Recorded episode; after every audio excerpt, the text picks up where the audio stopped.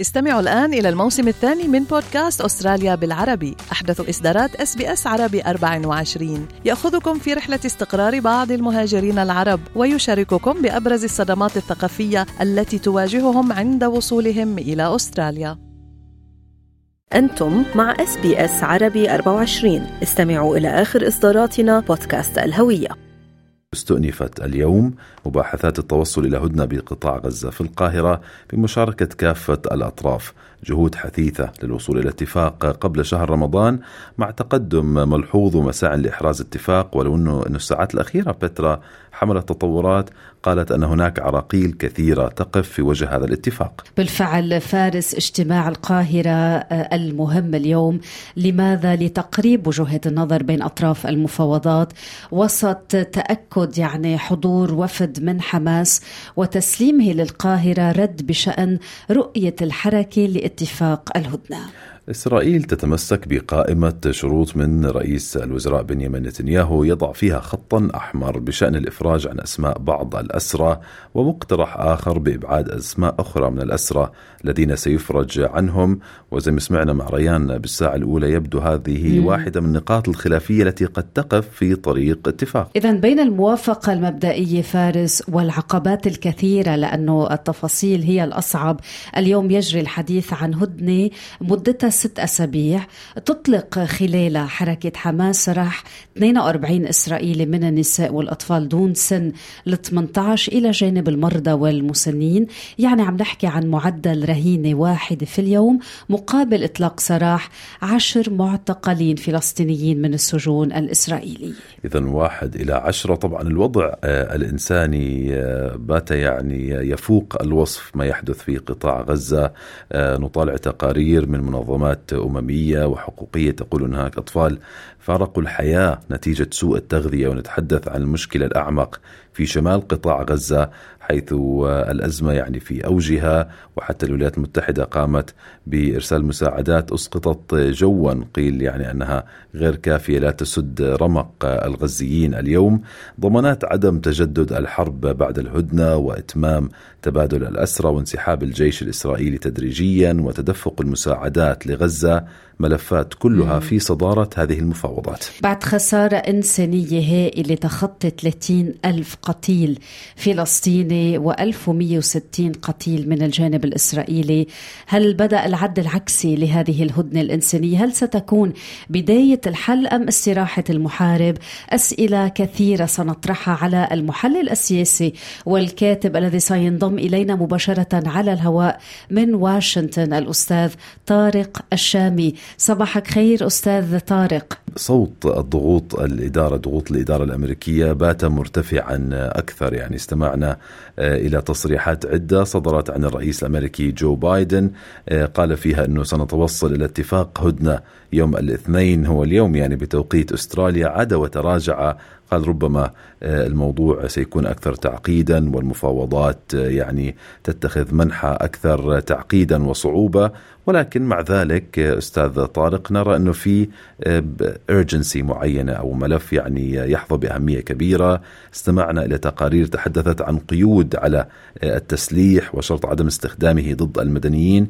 يقال أنها كلها أوراق ستستخدمها واشنطن للضغط على تل أبيب والحكومة الإسرائيلية. كيف تقرأ تغير الموقف الأمريكي في الأيام والأسابيع الأخيرة؟ رهان الإدارة الأمريكية الآن آه، هو آه، الضغط على كل الأطراف على الإسرائيليين من جانب ومن جانب اخر آه، أجرى الرئيس بايدن كما هو معلوم اتصالا مع القادة في كل من مصر وقطر قبل أيام وطبعا حثهم على ممارسة أيضا نوع من الضغط على حركة حماس كي يعني تقدم مزيد من الليونة في موقفها الذي يتعلق ب نوعية الذين سوف يفرج عنهم آه، وتقديم قائمة بأسماء آه، الإسرائيليين المحتجزين في غزة لديها.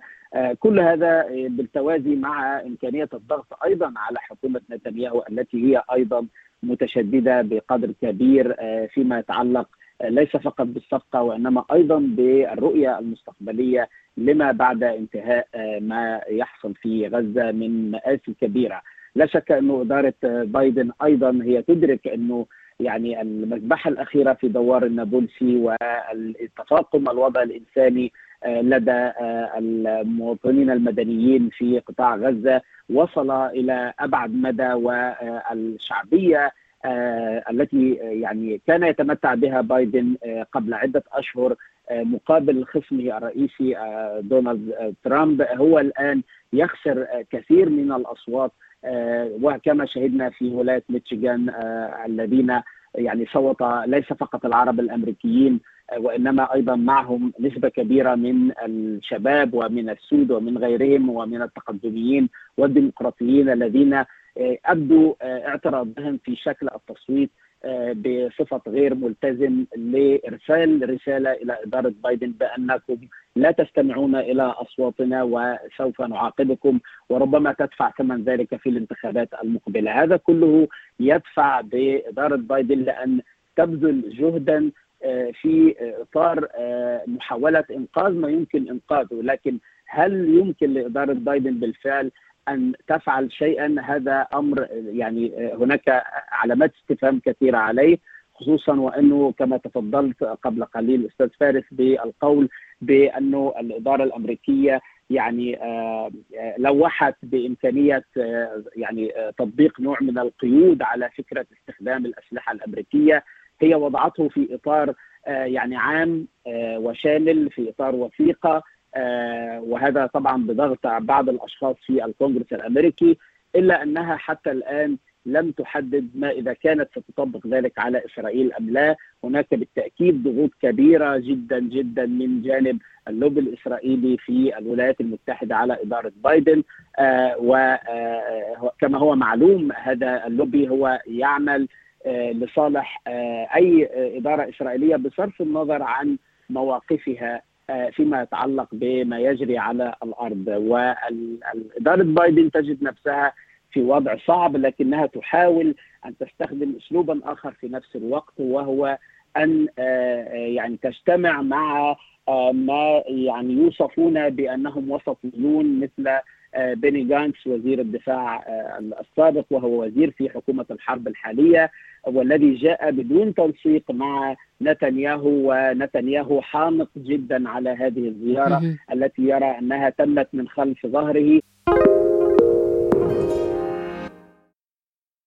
نتنياهو انفجر غضبا يعني في وجه غانس وقال إن لإسرائيل رئيس وزراء واحد فقط، كيف تقرأ هذه الزيارة بالتحديد التي تخطت إذن نتنياهو؟ هل هذا شكل آخر من أشكال الضغط الذي تمارسه واشنطن عبر التلويح بتوسيع الخلاف في الداخل الإسرائيلي؟ وهل هي رسالة واضحة من بايدن الذي فقد صبره حيال حكومة نتنياهو؟ نعم يعني أتصور ذلك بالفعل، أتصور اتصور إنه هذا يدل على أن يعني إمكانية الحصول على التنازلات المطلوبة من جانب الإدارة الأمريكية يعني بضغطها على الإسرائيليين وحكومة نتنياهو لم يؤتي يعني لم يؤتي ثمارا حتى الآن التي كانت تنتظرها إدارة بايدن. ولهذا فهي تستخدم ورقة جانتس كنوع من يعني التلويح لإدارة نتنياهو بأننا يمكن أن نتعامل مع أشخاص آخرين وسطيين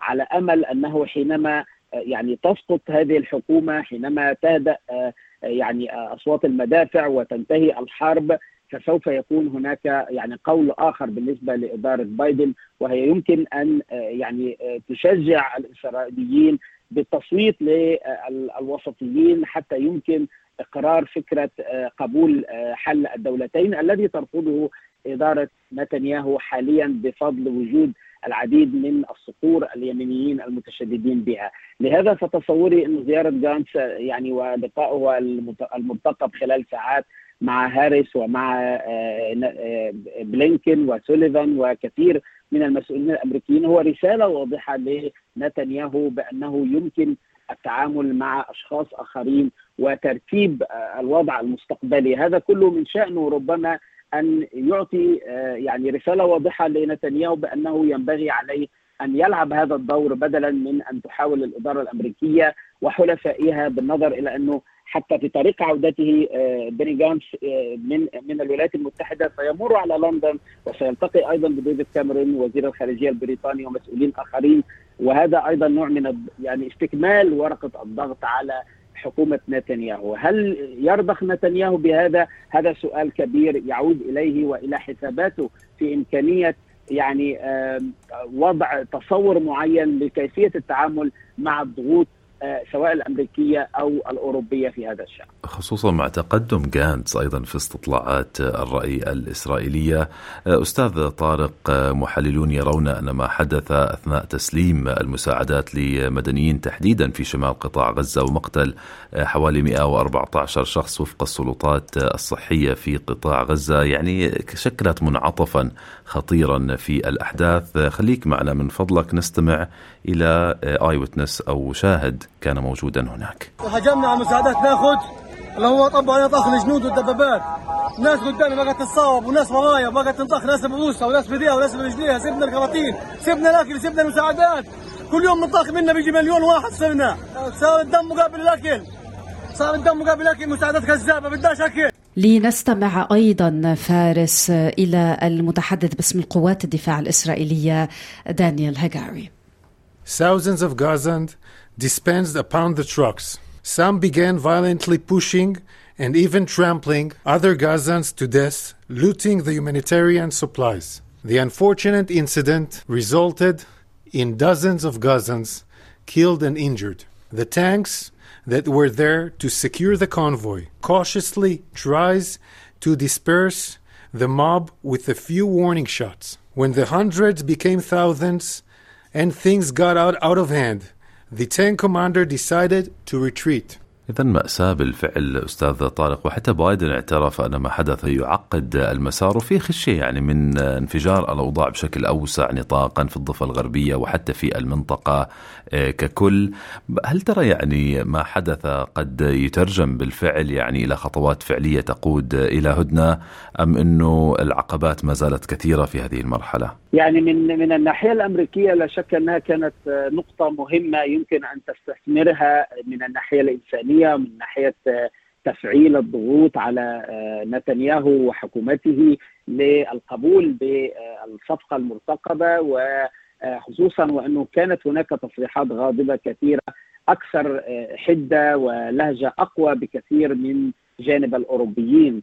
وهذا يجعل موقف الولايات المتحدة يعني في وضع سيء وعليها أن تحاول أن تستثمر هذه المأساة بشكل إيجابي.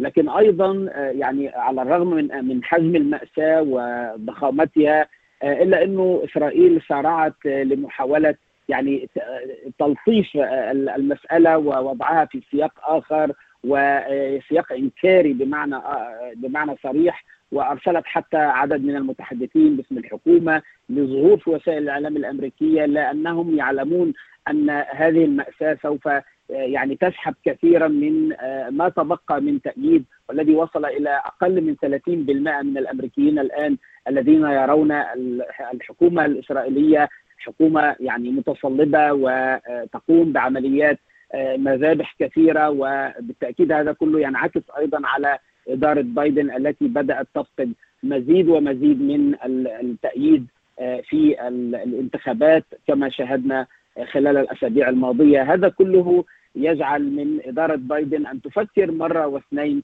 بكيفية التعامل بشكل أفضل آه، مع هذه المأساة واستغلالها بشكل فاعل من خلال يعني تفعيل هذه نأمل أن تكون إدارة بايدن قادرة بالفعل على استخدام ورقة آه، آه، الأسلحة الأمريكية خصوصا وأن نعم. هناك أصوات حتى من اليهود الأمريكيين في الكونغرس الأمريكي التي تطالب باستخدام هذه الورقة لكن إدارة بايدن حتى اللحظة ما زالت مترددة في استخدامها بشكل سليم. بإيجاز أستاذ طارق يقول بعض المحللين أن الضيق الأمريكي بات علنيا، بايدن فقد الصبر حيال حكومة نتنياهو وذلك الموقف مرتبط بشكل وثيق والسباق الرئاسي القادم والتخوف الكبير من خسارة أصوات الناخبين العرب والمؤيدين للفلسطينيين في الانتخابات، كيف تقرأ هذا التخوف وهل هو واقعي؟ آه، هو واقعي بدرجة كبيرة لأنه آه، بشكل سريع آه، يعني الذي يحسم الانتخابات الأمريكية في حقيقة الأمر. هم ست أو سبع ولايات تسمى بالولايات الأرجوانية أو يعني ليست حمراء ولا زرقاء ولكنها متقلبة. هذه الولايات من بينها ميتشيغان التي تملك نحو 16 صوتا من أصوات المجمع الانتخابي وبايدن يحتاج للفوز بها آه، آه، كما فاز بها في الانتخابات الماضية. بالإضافة لولايات أخرى مثل آه، ويسكونسن وبنسلفانيا وأريزونا وكذلك جورجيا ونيفادا. كل هذه الولايات الست حاسمة جدا. وإذا خسر بايدن تأييد الأمريكيين العرب في ميشيغان وهو مؤثر لأنه عددهم يصل إلى يعني عدد الناخبين يقترب من 160 ألفا 100 ألف منهم أو أكثر صوتوا بأنهم غير ملتزمين في الانتخابات التمهيديه الماضية وهذا يعطي مؤشر على انه بايدن إذا استمرت سياساته على هذا النحو الحالي ربما يخسر ميتشيغان وبالتالي هو في خطر خسارة الانتخابات. آه، لأنه المؤشرات الحالية تقول إنه يعني ترامب متقدم في هذه الولايات ومتقدم بالتحديد في الولايات التي كانت يعني آه، حمراء أو جمهورية من قبل مثل جورجيا وأريزونا وبالتالي هو الرهان الآن على الولايات ما يسمى بولايات الصدى التي يعني تعرف باسم وهي يعني بنسلفانيا وميشيغان وويسكونسن. إذا خسر ترامب واحدة من هذه الولايات فمن المرجح بشكل كبير أنه سوف يخسر الانتخابات. لهذا عليه أن يغير سياساته. ولا أقول فقط أن الأمريكيين العرب هم المستائين. آه، بايدن في كل مرة ذهب فيها لعملية يعني حملة انتخابية كان يواجه من قبل الأمريكيين العاديين البيض الذين كانوا ينتقدون وتقاطع خطاباته. اذا هناك الكثير على المحك على ما يبدو أستاذ طارق وشكرا جزيلا لهذه القراءة القيمة الكاتب والمحلل الصحافي من واشنطن طارق الشامي استمعوا الآن إلى الموسم الثاني من بودكاست أستراليا بالعربي. أحدث إصدارات إس بي إس عربي 24 يأخذكم في رحلة استقرار بعض المهاجرين العرب ويشارككم بأبرز الصدمات الثقافية التي تواجههم عند وصولهم إلى أستراليا.